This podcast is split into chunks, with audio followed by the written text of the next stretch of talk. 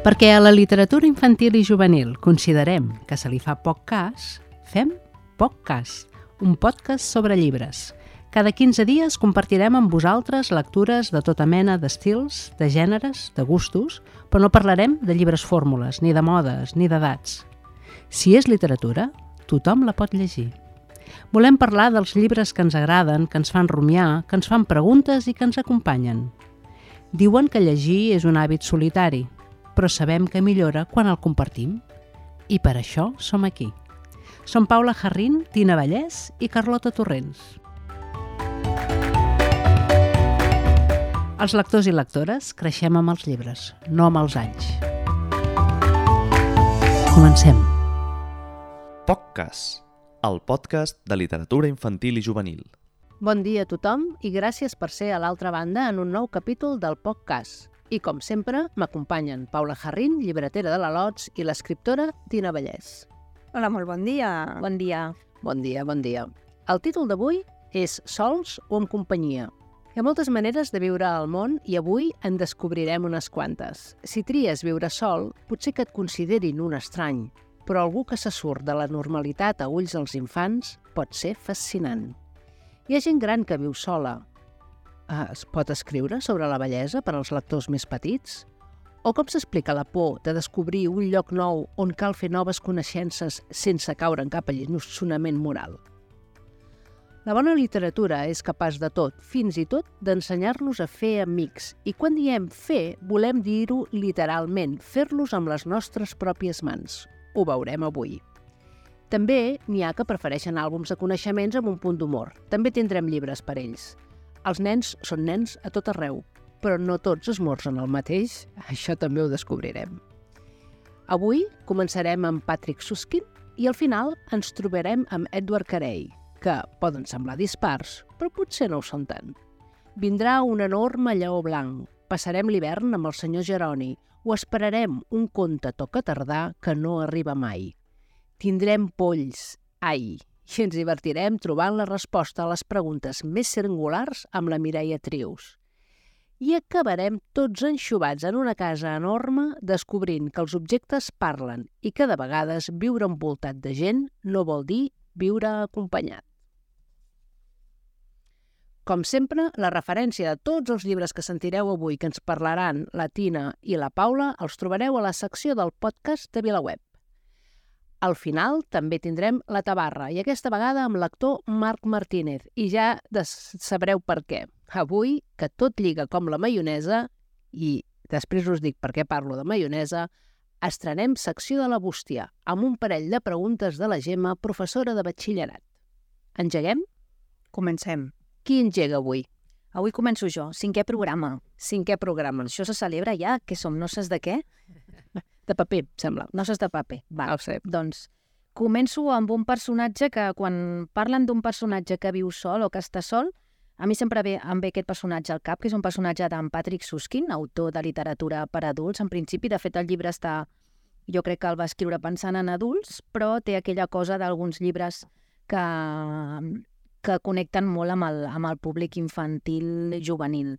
És la història del senyor Sommer. Ell la va publicar el 1991 um, i està a columna, s'ha anat reeditant des de llavors, no? Segueix a columna, oi, Paula? Segueix, segueix i eh, es pot trobar a les llibreries i per si algú no sap on encaixar Patrick eh, Suskind, és l'autor del Perfum, que és potser l'obra més, més coneguda d'ell. Aquí és una història molt petita que en realitat és un nen que 40 anys després de ser nen, quan ja en té 47, explica un secret que ha guardat tots aquests anys, que és el secret de, de la història del senyor Sommer. I a partir de l'excusa d'explicar la història del senyor Sommer, explica també alguns episodis que l'han marcat en la seva vida i que va viure durant la infantesa. Llavors és una veu de nen explicant una història, però 40 anys després, però amb la mirada encara de nen. Um, jo aquesta història la vaig conèixer al teatre, no la vaig llegir. El primer cop que la vaig conèixer va ser al teatre a l'any 95 amb Pep Tosà i era la història del senyor Sommer, dirigit per Xico Massó. Esplèndida. El Pep Tosà, meravellós, i hi ha diferents escenes. Hi ha una escena que si has vist l'obra de teatre no oblidaràs mai més, que és l'escena del fa sostingut, que és quan aquest nen, protagonista, eh, va a classes de piano amb la senyora Funkel eh, està tocant una peça on hi ha un moment que hi ha un fa sostingut. I ell cada cop que arriba al fa sostingut fa un fa normal, no sé com es diu, un fa, Un fa. un fa blanc, o sigui, de la tecla blanca i ha de tocar la negra.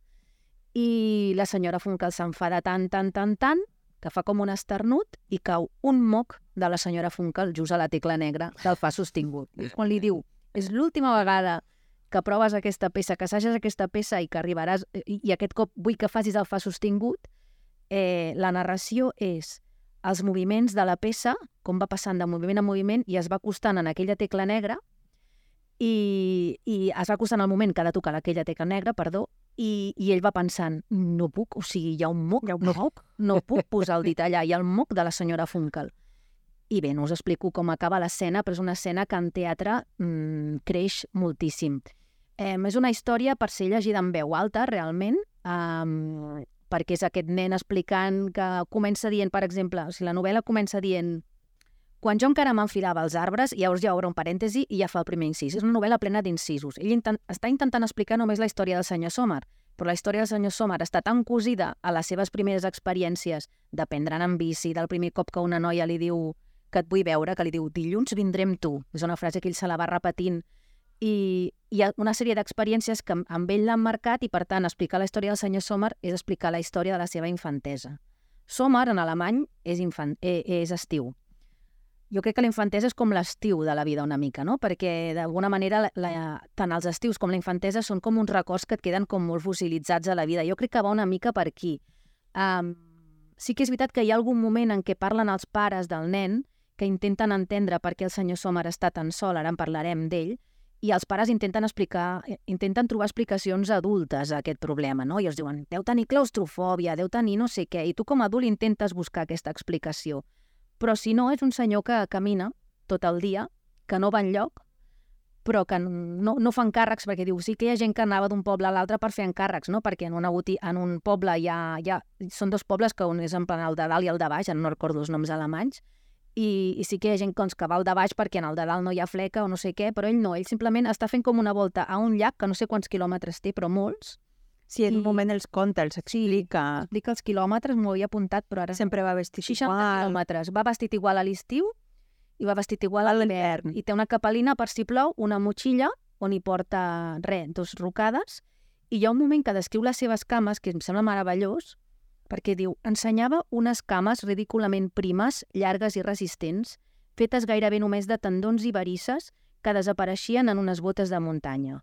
Al març eren blanquíssimes i les varisses s'hi dibuixaven ben clarament com un sistema hidrogràfic molt ramificat de color blau, però només poques setmanes més tard havien agafat ja un color de mel i al juliol eren del mateix to que la camisa i els pantalons. A la tardor havien estat tan torrades pel sol, el vent i la intempèrie que ja no s'hi podien distingir les varisses, els tendons o els músculs. Llavors semblaven les branques plenes de nusos d'un pivell sense escorça. Um, a part de les dues cames, d'un bastó. O sigui, és, un, és un home amb tres, amb tres potes, no? I, I és un home que és una mica com aquest paisatge que tenim tots, cadascú a, al seu barri o poble on viu, que és aquell, aquell home que sempre està al carrer, no? Tots en tenim. Aquí al Raval, eh, jo visc al Raval i en tenim, en tenim uns quants d'aquells que et lleves i ja hi és i te'n vas i a dormir o tanques a casa i encara hi és, no? O corre per allà. Vull dir, el que passa que aquest senyor està en un entorn doncs, més rural, al voltant d'un llac, i per tant doncs, és com més evident que, que camina tot el dia. A més, és un senyor que sempre tremola eh, i que això, diu, recorria aquells paratges des del matí ben d'hora fins al vespre, sense aturar-se i sense fer cap encàrrec. I, I a més a més, a tot això, això no ho he dit, i és molt important, aquest llibre eh, l'il·lustra el Sempe. Sempre. El Sempe, que a més a més té aquest, aquesta manera de, de fer els personatges petitíssims en uns paisatges enormes i que, i que amb les seves eh, aquarel·les són aquarel·les, no? És aquarela, és aquarela i, i el sempre té aquest traç ràpid. Els personatges, ell explicava que els dibuixava molt petits, molt petits, perquè el món és molt gran. I era la forma de poder, de poder explicar com de gran és el món i com de petits som les persones i les històries que l'habiten. I eh, un personatge, jo eh, estava de vacances a França quan va morir. Va morir l'any passat. L'any passat Uh, no, el 2022 ja, és que ja som al 24. És veritat, agost del 22 érem a, a França i de cop el món es va aturar perquè França perdia un artista superimportant i el reconeixement va ser preciós, preciós. Eh, Sempe i, i Patrick Suskin tornen a treballar junts amb un altre llibre que es diu El combat, que aquí Sí. l'ha publicat eh, ara llibres, i que és una partida d'escacs. I Sempe, no oblidem, que treballa amb Goscinny per al petit Per al Petit que va ser el moment d'eclusió de, de Sempe, i també treballa amb Modiano. i també treballa amb la Modiano. Catherine i també té obra pròpia eh, ell sol i també té aquesta cosa de mirar els personatges amb lupa. Marcelí és un dels meus llibres preferits. I Un dia dedicarem cosa un programa a potser. encantadíssima. I tant, i tant. Uh, un comentari i, i, ja, i ja, si voleu, passem al proper llibre, com vulgueu. Em, però un comentari perquè quan prepares la secció vas buscant coses de què ha dit la gent sobre, sobre el llibre que parlaràs per saber què en pensen i després tu em fas cas o no, no? I vaig anar a petar, que la, la història del senyor Sommer fins i tot té entrada a la Viquipèdia. ah, I a la Viquipèdia, en castellà, bueno, jo llegeixo en català, eh, diu, és, és més que un conte juvenil, perquè el protagonista es planteja coses massa profundes per a un nen de la seva edat. Fua, vaig llegir això, dic, bueno, ja hi som. I llavors dic, doncs és el meu moment de reivindicar eh, que, coi, que els nens, hi ha nens de tot tipus, o sigui, hi ha nens que tenen reflexions que per la seva edat no correspondrien, altres que en canvi no correspondrien cap endavant, altres cap endarrere, eh, i que aquesta versemblança que sempre demanem als personatges infantils, m'encantaria que un dia també l'exigíssim als personatges adults, perquè si tots tenim un sol concepte de nen, què passa? Que de cop i volta quan et fas adult ens diversifiquem de cop, però de nens tots érem iguals o ja som diferents des de petits? Pensem-hi, eh? Em sembla que la resposta és fàcil. Aleshores, aquesta cosa de la versemblança, quan el personatge és un nen, em, em posa nerviosíssima, perquè dic, és que hi ha nens de tot tipus com hi ha adults de tot tipus. Si hi ha adults de tot tipus és perquè abans hi havia nens de tot tipus. M'estic repetint, però és que m'indigna moltíssim. Uh, I ara anem a passar una mica, hem passat del, passem de l'estiu a l'hivern, amb el senyor Geroni. Amb un hivern, però continuem amb un senyor, amb un protagonista que és un senyor gran. Uh, en Geroni és un avi, el llibre és de l'Eulàlia Canal, l'any 22 va guanyar el Premi Llibreter i està il·lustrat pel meu estimat Jordi Viladeclos, que no podia passar més d'un programa sense que m'acompanyi. O sigui, en Jordi està sempre amb mi. En aquest cas tenim el senyor Geroni, és un senyor gran, i a més a més tenim una veu en primera persona. És ell que ens va explicant aquesta història i comença i ens posa en situació perquè ens diu les tardes eren llargues.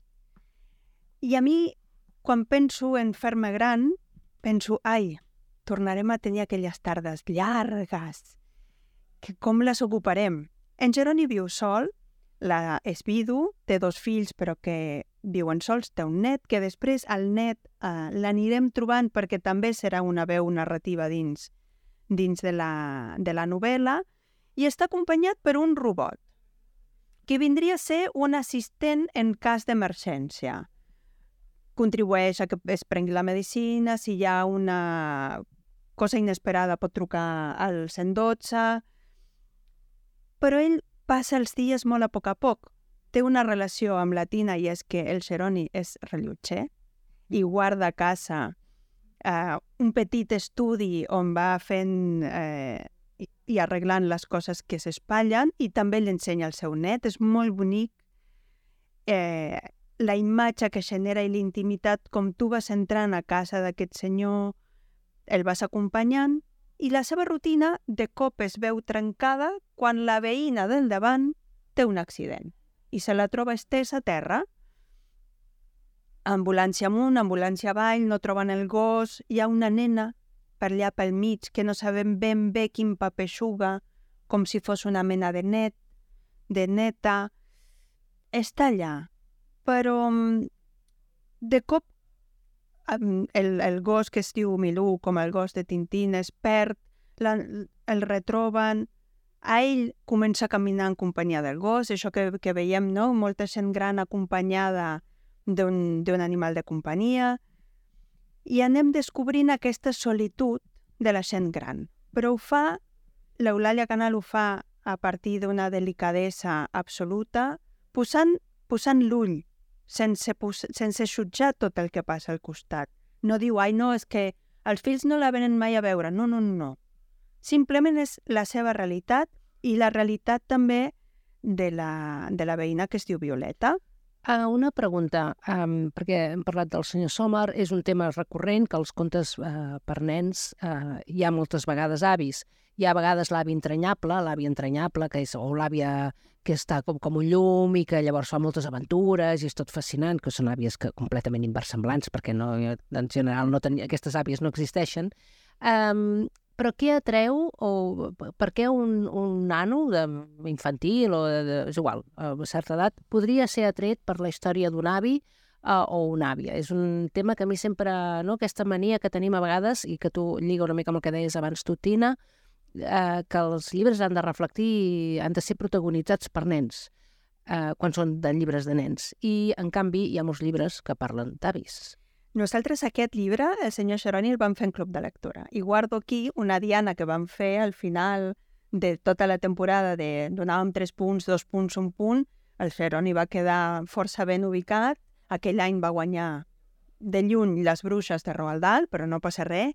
I els infants el que m'explicaven de la seva lectura era que ells trobaven que tenien com la curiositat de què passa a casa dels avis quan nosaltres no hi som.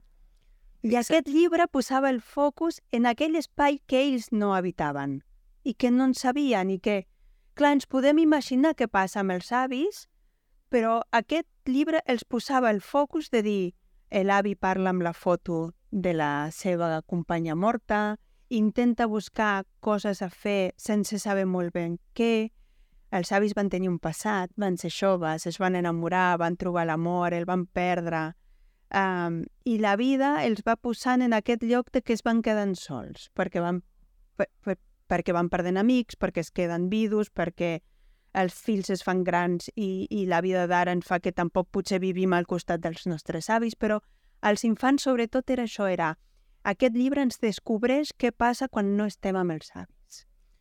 Bueno, era una curiositat que tenia perquè, perquè sempre... Bueno, i després hi ha la, la connexió nens-avis també. És, que és, és, és, molt, especial. és sí, molt especial. Tots recordem també, no?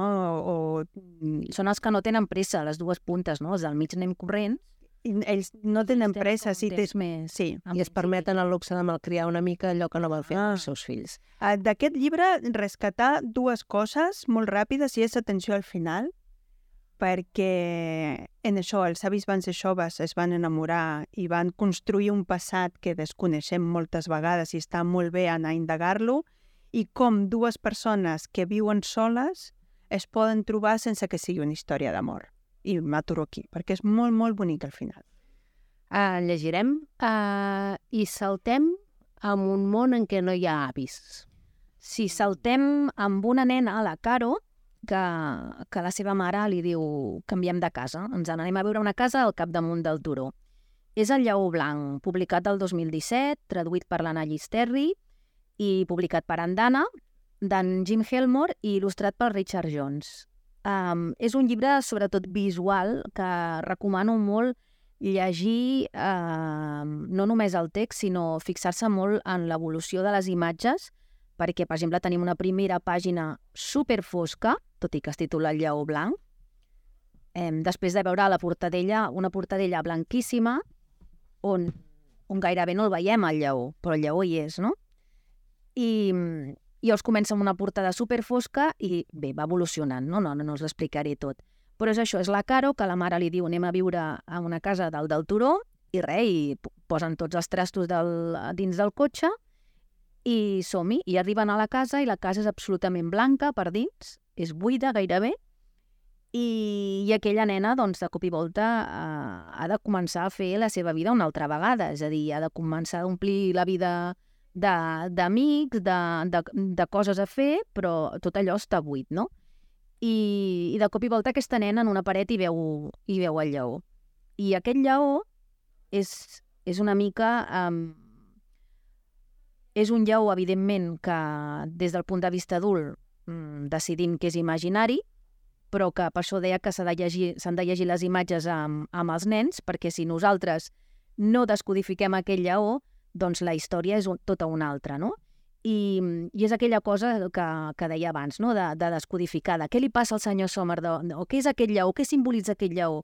bueno, deixa que la criatura ho, ho desxifri o faci amb el lleó el que ell vulgui, no? En tot cas, nosaltres com a adults hi fem una lectura que el nen, el, el nen en fa tota una altra. Però és un lleó que és la tradició aquesta de l'amic imaginari de, de, de molta literatura, no? D'aquesta, aquest personatge que, que un nen es crea doncs, perquè està sol i necessita jugar i necessita recuperar les ganes de jugar i de després tornar a fer amics. Llavors aquest lleó és aquesta mena de, de crossa imaginària no? que apareix per, per acompanyar la nena. Um, és una nena que no és que estigui trista, sinó que està sola, però físicament sola, perquè, coi, hi ha un canvi, hi ha un canvi d'espai, de, no? I llavors és com aquesta nena va ad adaptant-se a aquest nou espai i a mesura que el lleó l'acompanya, ella va agafant confiança fins que de cop i volta hi ha un nen que mira per la finestra i el lleó li diu i si vas i el, i el saludes i parles amb ell, oh, però tu no podràs venir, bueno, jo, jo estaré aquí, no? Hi ha un moment al final que diu, si em necessites sabràs on has de mirar, perquè la nena es preocupa, en plan, ara, si ara començo a fer amics, aquest lleó ja no el veuré. I, i el lleó li diu això, tu tranquil·la que si em necessites em tornaràs a veure. No? I llavors hi ha un moment final preciós que, més, el, el Richard Jones, l'il·lustrador, explica que això, que va fer molts esborranys per pensar una mica doncs, com explicar la història visualment, perquè és que hi ha un moment en què la mare diu he convidat tots els teus amics a casa i entre tots pintarem la casa de colors. I clar, ella per una banda està contenta perquè venen els amics a casa i perquè la casa s'omplirà de colors, però, ei, no quedarà cap espai blanc? Perquè aleshores el lleó on anirà, no?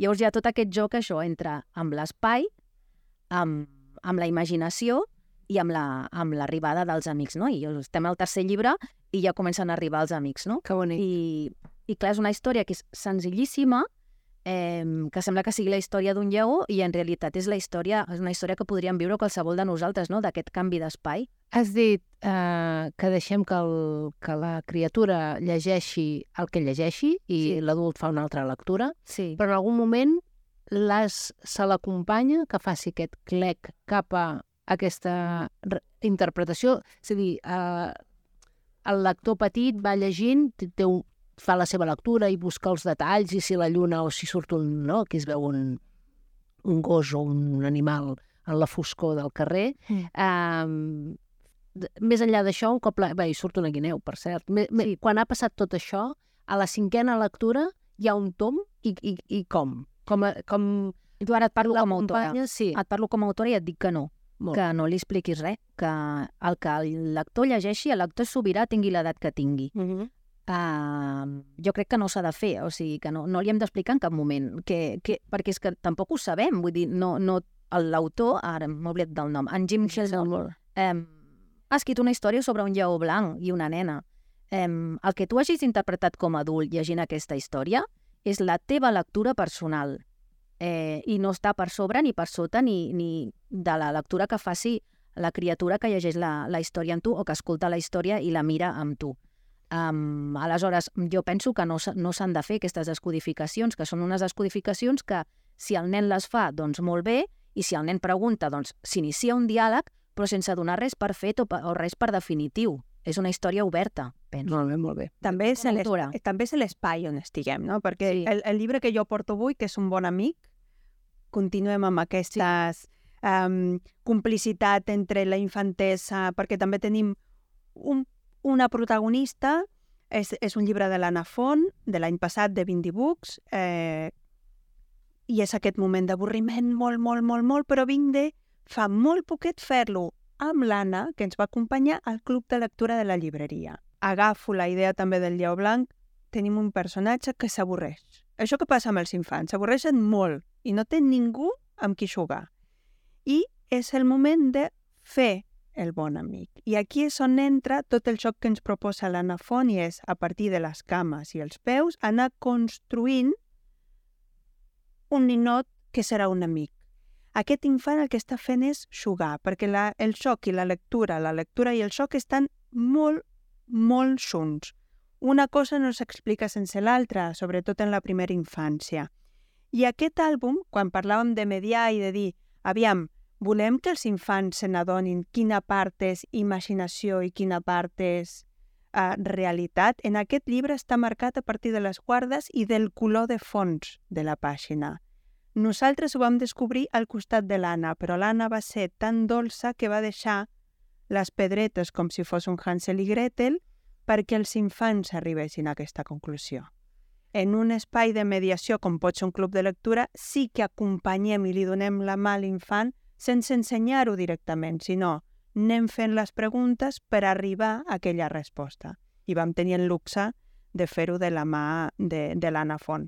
I aquest llibre, a més a més de llegir, té unes 70 peces per jugar i que nosaltres puguem anar muntant el nostre amic. A mi és un, un àlbum que m'encanta. Deixem els mòbils a banda i creem els nostres amics. L'Anna Font ha estat Plau. nominada no, als premis aquests de Bologna. De Bologna, i jo crec que a l'Anna l'hem d'anar seguint perquè sí. ens donarà moltes alegries, I va guanyar el Premi. Compostela. Sí, amb la visita que vam parlar al, a l'episodi de Nadal i, i tota la seva feina està sent preciosa.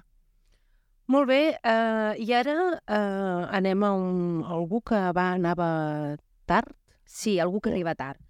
Um, és un altre llibre que comença blanc i acaba ple de color. És un conte de Mariona Coppo, autora italiana, i és un conte que les vores estan pintades com si fos una carta, no? amb les ratlles aquelles vermelles i blaves, i diu carta urgent, i, i al final descobrim per què, per què diu aquí carta urgent i per què té aquesta forma com de, com de carta. És un conte que és...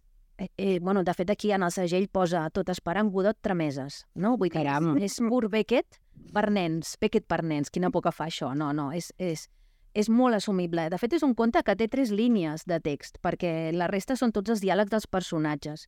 Són uns personatges que a a la primera pàgina és absolutament en blanc i hi havia una vegada un full en blanc. Un doble pàgina en blanc, eh? Doble pàgina en blanc, són valents aquí, eh? Sí. Són els personatges esperant l'autor una mica, eh? De Pirandello, eh, també. Digui, no oblidem que la Marianna, Marianna Coppo és italiana. I són uns personatges que no saben massa què fan aquí i, i llavors diuen que diu, ei, ei, ei, diu, socors, diu, què està passant? On som? I comença un diàleg que van passant les pàgines i de moment només hi ha els personatges. Són tots adults, menys un que és un nen, i els adults parlen i el nen se'ls va mirant. Diuen, estic segur que som dins d'un llibre. Ja ho sabia jo. Ara hem d'esperar el conte. Doncs esperem-lo. Aquesta és la conversa entre els adults. I el nen se'ls va mirant. Llavors, a mesura que van passant les pàgines, aquests adults van parlant d'hosti, doncs sí que triga, no? O allò, esperant Godot, no? Però el nen, com que passa el temps i no té res a fer, doncs treu coses de la motxilla, comencen a passar coses, i llavors hi ha la pàgina esquerra on hi ha el nen, que no hi ha text, però es va omplint d'imatges, i la pàgina dreta on hi ha els adults que van parlant, però les imatges no arriben, no arriba el conte. I aquest conte que no arriba. I el conte es va fent a l'esquerra, mentre a la dreta segueixen esperant el conte. Uh, és la imaginació, una altra vegada. És la imaginació, és, és una oda a la, a la imaginació, uh, és una oda, és un, és un metaconte també, no? Perquè Total. arriba un moment que arriba aquell conte i és el conte de la Mariana Copo que arriba per correu urgent, però que ha arribat tard. És el conte que arriba tard. Um, I és això, és, és una altra copa a, a aquesta companyia màxima que tenen els nens, que és aquesta imaginació que fa que fins i tot omplin una pàgina en blanc d'un conte que no arriba, no? Vull dir que realment eh, hi ha més trencar la quarta paret, eh, hi ha tota aquesta història dels diàlegs i, i és aquest... A, a més, al darrere m'agrada molt que els de Calandraca, que això ho ha publicat Calandraca, traduït per la Lola, Barce Lola Barceló, um, el remitent posa llibres per somiar, no? que és la col·lecció, És la que col·lecció. és realment el, el títol de la col·lecció aquí no pot fer més, més sentit. Um, perquè més és un llibre que comença i acaba igual, és a dir, torna, tornem a la pàgina en blanc, a l'última pàgina, i aquesta pàgina en blanc última és allò de quan, quan amb els nens llegeixes un àlbum i els agrada molt, que diu, tornem a començar, no? I dius, no, sisplau, una altra vegada el mateix, per què no n'agafem un altre? No, no, tornem a començar. Doncs aquí la Mariana Copo ja directament um, el torna a començar perquè tornis a la primera pàgina i vagis veient com la pàgina es va omplint i el conte va, va fent-se. És a dir, que hi ha dos contes. Copo, que el títol original és una història en molto in retardo, és a dir, una història que arriba en retard, aquí s'ha optat per fer un títol molt més curt, i que a mi em va fer gràcia i això ens servirà, abans deia que, la, que seria un programa que lligaria com la maionesa, perquè a Copo hi ha tres coses que la fascinen. Els viatges imprevistos, Mhm. la muntanya i la maionesa. Va, eh? I aquesta maionesa ens anirà servint per anar lligant el I programa d'avui. Jo crec que del que jo vinc a parlar ara, segur que la Mariana Copo i tots els que som aquí en aquesta taula ho hem patit. Hi ha uns éssers que només de pensar a mi em pica el cap perquè els agrada molt, molt, molt, molt viure tots junts. I vinc a parlar de polls.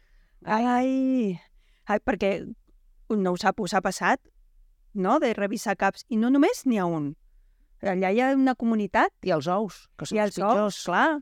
Doncs aquest llibre és un llibre que pot haver passat molt desapercebut, és de del 23, però és del, diguem, de l'últim semestre. És un llibre de la Berta Páramo. La Berta Páramo de professió és arquitecta, però cada vegada més la trobem en llibres de no ficció, tant amb Litera, que és qui edita aquest manual de supervivència per a polls, um, i fa una feina meravellosa. Té un llibre que va ser menció a, a Bologna, que és el Fluidoteca, i lliga després amb el que portarà la Tina. La traducció, en aquest cas al castellà, l'ha fet Belolit. I és un llibre que parla i va dirigit ni als infants ni als papes que de, i mames que despiogem, sinó als polls. Um, I és una mica aquesta sensació de conèixer el teu enemic per vèncer perquè hi ha alguna cosa. Al, al, a l'episodi que vam parlar, que serà l'últim que escoltareu vosaltres, parlàvem de polls i també ens, ens fa referència Sí, a noia dret. a Noia Dret. Sí, sí. Eh, en aquest cas, parla directament al poll, comença amb una frase de coneix-te a tu mateix. Superpoll no existeix, no tens ales, o sigui, és que és meravellós. En aquest... Tens ales? No tens ales, no pots volar. Tot, tot i que tu creguis que ets un superheroi, però hi ha alguna Fa anys i panys que nosaltres, els humans, intentem desfer-nos dels polls i ells són els supervivents absoluts de tot a les diferències entre mascles i femelles, que no són iguals. I mireu, un milió de polls pesen el mateix que un nadó acabat de néixer. Ai, calla, no, mira. Ara ja ens imaginem molt. Uh, però això sí, sí o sí necessiten un humà i un humà viu per sobreviure. Però si aquest humà té molta febre, els polls es moren. Ho sabien, això? Mm. que quan tenim febre eh, fem mal i si nosaltres baixem la temperatura perquè ja som pajarito, tampoc poden viure més. Han de buscar-se un altre humà. I els cabells nets. Uh, això diu que pot ser un mite, eh? Ah, sí? sí, És un mite. sí, sí. Eh, no han d'escollir un, una persona sense cabell. Ah, bueno. Això sí, Això sí. necessiten algú amb cabell i els llocs ideals són darrere les orelles i darrere el cap. De petita a pagès, a mi eh, vaig arribar a casa amb el cap embolicat amb una bossa de plàstic i la meva mare em va dir, què portes? Que teníem polls, els havíem agafat i la mare de la meva amiga ens havia ruixat amb benzina i ens havia embolicat el cap Benzina. amb benzina, literal. I, bueno, va ser un, uh, va haver-hi un daltabaix familiar perquè portava benzina al cap. Sí, sí, el llibre Però es van parla morir, eh? Es van morir Es els va- polls, no en va quedar ni un. el, el llibre parla de que oh, vigila poll perquè els humans tenen elements químics i mecànics per acabar amb tu. De fet, la, la, la Berta Páramo en una entrevista deia que, com que quan es va començar a documentar per fer aquest, uh, aquest llibre, només trobava informació sobre com eliminar els polls, va arribar un moment que va dir, bueno, és d'escriure aquest llibre des del punt de vista, evidentment, del sentit de l'humor i com un manual de supervivència, perquè, pobrets, és que tothom els vol eliminar. Tot el que troba sobre polls és com, Com eliminar eliminar-los. polls. I a més, una curiositat. Sembla que fa 25 milions d'anys que els primers polls van habitar a uns dinosauris plomats. I mm, pues, els agrada viure uh, en grans comunitats. I atenció a aquest llibre, Sí, com sí. té dibuixat uh, l'ISBN, que és aquest com document d'identitat. Dels, dels llibres perquè és molt ingeniós i senyora, senyor, jo he de confessar que vaig ser d'aquests infants gran anfitriona. de- Um, el, el senyor que feia ara referència a la Paula és el Carles Garcia, que el tenim aquí al costat, que és el nostre tècnic de so i el que fa els miracles, perquè aquí fem molts sorolls i, a més a més, ens apartem sovint del micro i sort en tenim que el tenim a prop. Um, I mm, parlant de dades i de que un milió de polls uh, són com el pes d'una criatura, uh, més dades. Més Tina. dades, perquè hi ha una cosa que passa a segons quins nens, que és que quan la ficció els llegeixen als adults, els llegeixen en veu alta, és una cosa, no? És, és, és molt distret i hi ha tota la part de la imaginació, mira els dibuixos junts i tal, però quan aprenen a llegir sols, eh, pot passar que de cop i volta aquella ficció es desinfla. Costa. Costa entrar en la ficció eh, llegint tu sol.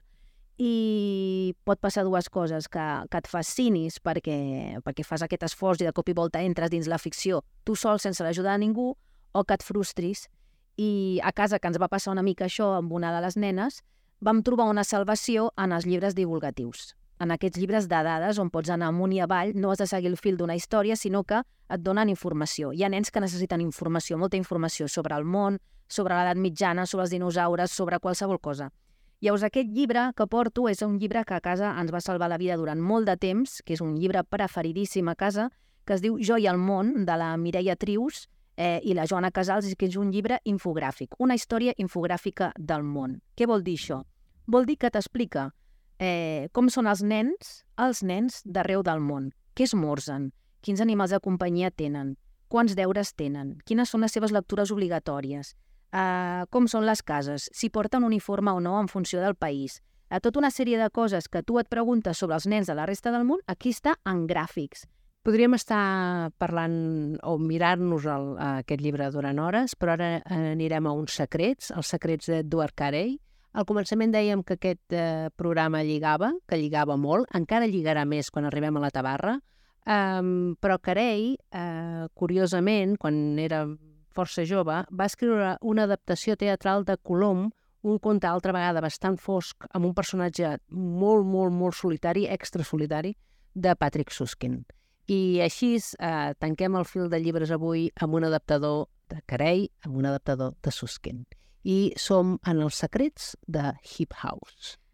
Estem en una trilogia. És un llibre que aquest és el llibre 1, que edita Blacky Books i que ja sabem que d'aquí a setembre-octubre tindrem la segona part i d'aquí un any, al 25, tindrem la tercera part i ens quedarà tot el pack sencer. Però comença pel, pel començament. Aquest és el llibre 1 que es diu Iremonger, és El secret de Hip House, està traduït per l'Helena Martí Segarra, que ja l'havíem llegit traduccions seves com La mona de l'assassí, i la seva feina és molt delicada, molt precisa, i que confirmem que li agraden els totxos o li donen aquests reptes de traduir moltíssimes pàgines, però de què estem parlant quan parlem dels secrets de Hip House?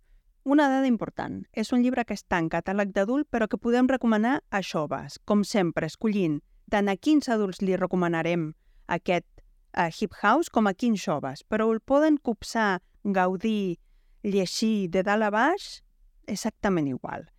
Estem, estem ambientats en una Anglaterra victoriana. Aquí és on Carey ens posa d'ambient i que crec que el gran personatge d'aquesta novel·la és la casa ubicada a les afores de, Lon de Londres, em sortirà horrorós, però és Forlichham Park, i al voltant de la casa són muntanyes de porqueria, que a dins de la novel·la es diuen els cúmuls. Tenim aquestes muntanyes i algo molt important, un tren que va des de la casa fins a Londres, que cada dia al matí hi va i a la tarda hi torna, amb l'avi, que és l'únic que fa aquest trajecte el gran patriarca. Atenció a les guardes de la novel·la perquè està la informació de la casa, perquè què hem de saber abans d'arribar a aquest llibre? Els Siremongers són un clan i tenim una gran família rica que té una particularitat.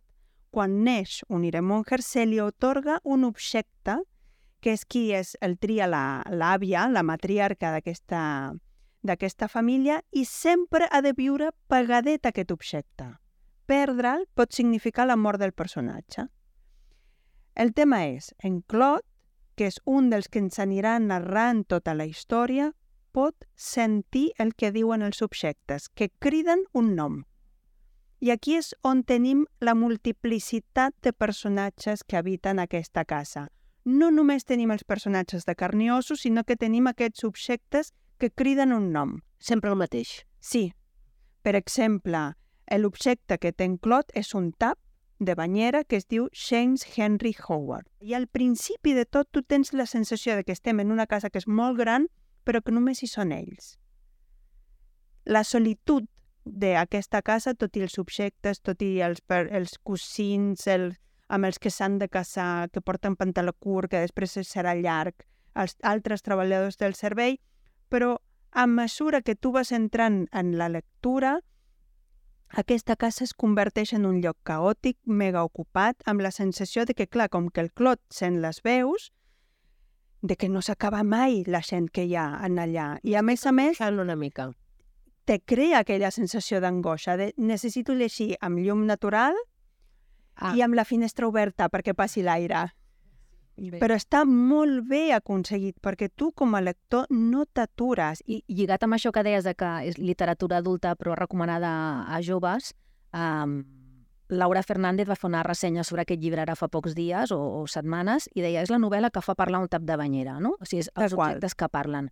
jo crec que és una novel·la rodoníssima, eh, per joves la gaudiran molt i, i que, a més a més, si no ets molt lector, et pot acompanyar i et pot crear aquest vici de vull llegir més, un capítol més. I és meravellós quan això passa.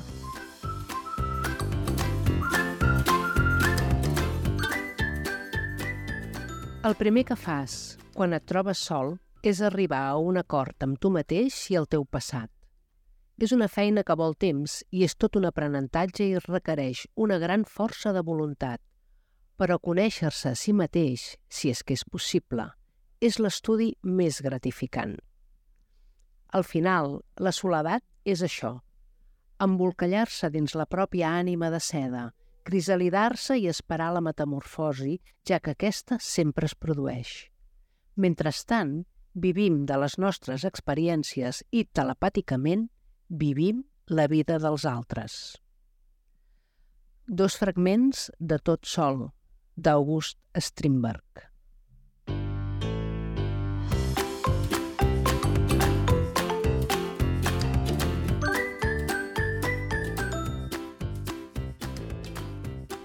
I ha arribat el moment de sentir... Avui la tabarra és de l'actor Marc Martínez, a qui agraïm molt des d'aquí que hagi volgut compartir aquesta tabarra que ell va patir amb el Bruc, la Mia i el León de 4 a 8 i pràcticament, pràcticament 20 anys. Suposo que coneixeu tots el Marc Martínez, que va debutar fa una pila d'anys amb el complot dels anells de Francesc Belmunt, i que eh, a mi em sembla que una mica malauradament se'l coneix, molta gent el coneix com el Matallaies, que va ser un personatge És veritat. sinistre que va enganxar i que va quedar a la, a la memòria de molts espectadors de la televisió. Però som aquí per parlar d'una altra, una altra magnífica interpretació que va fer, a Solo, que justament està basat en el text Tot sol, del qual hem llegit ara un fragment, d'August Strindberg, i que va adaptar en Pep Paré, va dirigir la Teresa Vilardell i traducció altra vegada de la nostra traductora de capçalera del suec al català, Carolina Moreno. Em sembla que avui, com dèiem, eh, ho lligàvem tot. Eh, Marc Martínez eh, a Solo, que, que va ser meravellós. El llibre amb què més hem torturat, m'ha aixecat els meus fills, els tres, sobretot el primer, el León, que ara farà 20 anys, és, sens dubte, Le Petit Prince, el Principito, que jo vaig aprendre i llegir, el Petit Príncep. Per què? Doncs perquè, a veure, primer, perquè els pares som uns plastes i bé, no, no escoltem i no, no pensem que potser era un llibre que en el seu moment doncs sí que, que era, molt, era molt important i tothom hi havia de passar, no? Però què passa? Que és com quan idealitzes una, una persona, un amor, un, un lloc, doncs que no, no funciona així, la cosa no va així. I les criatures avui dia tenen unes biblioteques al seu abast, ja no dic la municipal, sinó que a casa tenim tants contes i de tan bonics que aquella cosa de... Uh, com aquella antigor de aquest és el llibre del papa i aquest és el llibre que et llegiré, a mi no m'ha funcionat mai. Sí que han valorat la història és bonica i això, de fet, després vam anar a veure, hem vist la peli, les pelis, hem vist el musical també, que s'ha fet aquí, i els hi agrada molt, però el llibre com a llibre, com a història, aquella, aquella profunditat, aquell simbolisme, que a mi em van segrestar de, de petit. No, de, de jove, perdó, de jove. Aquest és un altre error. Veus? Doncs que a mi el petit príncep em va enamorar igual quan tenia 16-18 anys. I clar, tu vols que els teus nens amb 5 anys entenguin allà aquella flipada del Saint-Exupéry. Doncs no, no pot ser. I ja està. I no passa res. Ho he intentat tres vegades amb els tres fills i no me n'he sortit, però visca uh, Le Petit Prince. El que més, el conte, el llibre que més, eh, no podia ser d'una altra manera que, mireu el títol, eh?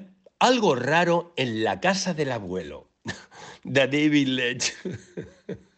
En anglès és bambuslet. No sé si ho pronuncio bé. Bambuslet. Aviam, és un conte eh, amb uns dibuixos absolutament delirants, lisèrgics, eh, molt xulos. Són d'un dibuixant, no sé si és el mateix David Ledge, jo diria que sí. I què passa? Doncs que Ah, és com si... Mm, una mica com l'Escher, aquests dibuixos on hi ha molt surrealistes, hi ha una petita llegenda eh, davant de cada, de cada il·lustració, que són fantàstiques, i allò, els tres, tant el de 19 com el de la de 8, com la, la mia, com el Bruc, que ara n'ha fet 4, ens ho hem passat tan bé descobrint quines són aquelles coses estranyes, rares que hi ha a la casa de l'avi. I sabeu per què els agrada tant? Perquè ens ho passem molt bé i perquè riem molt. I el papa no està amb la turra de les seves eh, històries. Perquè jo crec que intento que les coses que faig amb ells, sobretot hi hagi una, un bon ambient, que ens ho passem molt bé, que riem, que estiguem que hagi escalf. Aquesta paraula m'encanta. I aquest triomfa molt. I després, bé, n'hi ha un altre que és, diríem que un terme mig, que m'agrada molt, molt a mi també, i que aquest sí que els hi he colat sempre, que és Pinocho. El Pinocchio, perquè mm, és, diria que la paraula és mm, molt misteriós, és màgic, aquella, aquella cosa tan, tan, tan de, de, de, de, de fantàstica al gènere, no? d'un fuster que fa un nino que es converteix en una, un nino de fusta, que es converteix en una persona, i aquell viatge iniciàtic que, que fa el, el petit, el fill, doncs això és commovedor i crec que per aquí sí que els he enganxat. Per tant, uh, hasta aquí puedo leer. Ara expliqueu-me una mica la, la tabarra d'en Marc Martínez perquè uh, en una de les coses que no hem dit de la història de Jo i el món, el llibre més llegit a França sí, el Petit és El Petit Príncep. Mm -hmm. um, el fill d'en Marc Martínez, o els fills d'en Marc Martínez, potser no hi estarien gaire d'acord. Jo, uh, a favor uh, del uh, Mil Petit Príncep no m'ha entusiasmat mai gaire. Jo estic amb els fills del Marc Martínez. Jo també. Sí, adeu. Senyor Saint-Exupéry haurà de disculpar-nos perquè és un llibre que és una mica mm, gairebé tabú dir que no t'agrada el Petit Príncep. És que jo crec que el llibre en si no té cap problema. El problema és la lectura que se n'ha fet, que té com un to com d'autoajuda gairebé, no? Sí. Tothom et deixa anar la frase aquella de l'essencial és invisible als ulls, no sé, i, i ja entrem en aquesta cosa i, i... Potser és la mala utilització que han fet els adults d'una obra infantil. Sí, Bueno, i després l'altre, no? Que aquest sí que va tenir... El Pinocho. Pinocho, que aquest sí, eh? És una meravella. És... Mm. Potser algun dia en parlarem. Però el Pinocho, Pinocho, eh? Perquè, clar, el Pinocho ha estat molt adulterat precisament sí. per, pues, per Disney i per molts altres, i quan llegeixes el, el Pinocho de veritat, el Pinocho de veritat hòstia, és bèstia, eh? És sí, molt, molt bèstia. bèstia. Molt, molt, molt dur, molt dur, molt dur, molt dur hi ha una, una edició relativament recent, no?, de Convel amb, amb, en, amb l'Ilustre del Pep, del Pep, del Pep Montserrat, que és meravellós. Que és molt bonic. I eh, si ens voleu explicar la vostra tabarra, eh, podeu deixar un missatge de WhatsApp al 689 344 437 o 689, 344 i 437. Ens agradarà saber quina tabarra us han donat els, els vostres fills eh, quan eren més menuts. I ara sí, obrim secció. La bústia. Eh, la Gemma, una professora de literatura catalana a batxillerat, que té tres fills, eh, em sembla que el més gran tot just en té 8 o 9, per tant, encara són petits, ens fa una pregunta sobre política. Escoltem-la. Hola, puc caseres. Em dic Gemma i us volia demanar eh, llibres que tractin sobre política per nens, perquè l'any passat, per Sant Jordi, en vam estar buscant vam trobar-ne un que es deien les eleccions dels, ani dels animals, de l'editorial Takatuka, um, que estava molt bé, uh, però no en vam trobar gaires més, gaires més i era per si en sabíeu. Um, jo sóc professora d'institut també i a l'institut hem llegit la, la rebel·lió dels animals, però, que, però no és infantil i la veritat és que els hi ha costat una mica d'entendre en, els, en els adolescents i no sé si, si sabríeu d'alguns altres llibres que, que ens puguin ajudar a parlar de política amb nens o, o amb adolescents. Gràcies. Com ho tenim, això dels llibres de política? Aviam, quan algú fa la feina ben feta, eh, és difícil poder afegir o eh, dir més coses. Jo el que faria a la Xema és dir-li, si plau Xema, vés a buscar el número 97 de Faristol, que va tot de LIG i política. Per qui no ho sàpiga, no ho soni, no l'heu consultada, no us ha caigut a les mans, la revista Faristol és una revista que fa el Consell Català del Llibre Infantil i Juvenil, en aquest moment dirigit per l'Aranxa Bea, que és professora de la Universitat de València, amb un equip, amb un consell de redacció molt interessant, constituït per profes d'universitat, crítics, bibliotecàries, o sigui, allà hi ha persones meravelloses, i el número 97 va sobre aquest gran tema de com és la relació entre la política i la literatura infantil. Una sèrie d'especialistes com la Júlia Baena, el Pep Molís, la Clara Berenguer, la Piu Martínez, una um, entrevista que fa el Herman Machado a l'editor de Mediavaca, fan que tot aquell llibre, eh, tota aquella revista, perdoneu, ens doni resposta a una gran i bona quantitat de llibres que van abordant aquest tema. Jo crec que nosaltres el que hem de fer en aquest moment és dir-vos als profes, a les famílies, aneu a la biblioteca pública, que és on podeu trobar els faristols anteriors, i una dada molt important. Si piqueu biblioteca.ebiblio.cat, entrareu a la biblioteca virtual de les biblioteques de la Diputació de Barcelona i allà trobareu el número actual, de, poseu faristol, surt el número actual, hi ha una icona que és un calendari i allà podeu veure els números anteriors i podeu agafar la revista en préstec que no sigui física. També podeu consultar a, la, a, a llibreries, que moltes de nosaltres també rebem la, la revista Faristol i les que no donem a aquells clients que ens ho demanen, potser tenim alguna uh, guardadeta i també us podeu subscriure a la revista Faristol. Entenc que és gratuïta? Sí. Molt bé. I tenim encara una... La subscripció sí que s'ha de pagar, perdona. La subscripció s'ha de pagar, ah. però la consulta, per exemple, jo a la llibreria la, en rebo un número. Jo ah. no la venc, sinó que sí que la dono perquè estic subscrita i jo pago la meva subscripció a Faristol. Molt bé.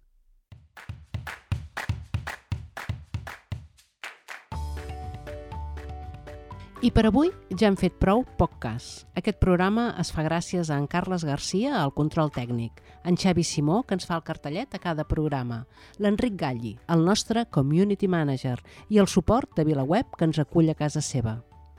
Tornem aviat.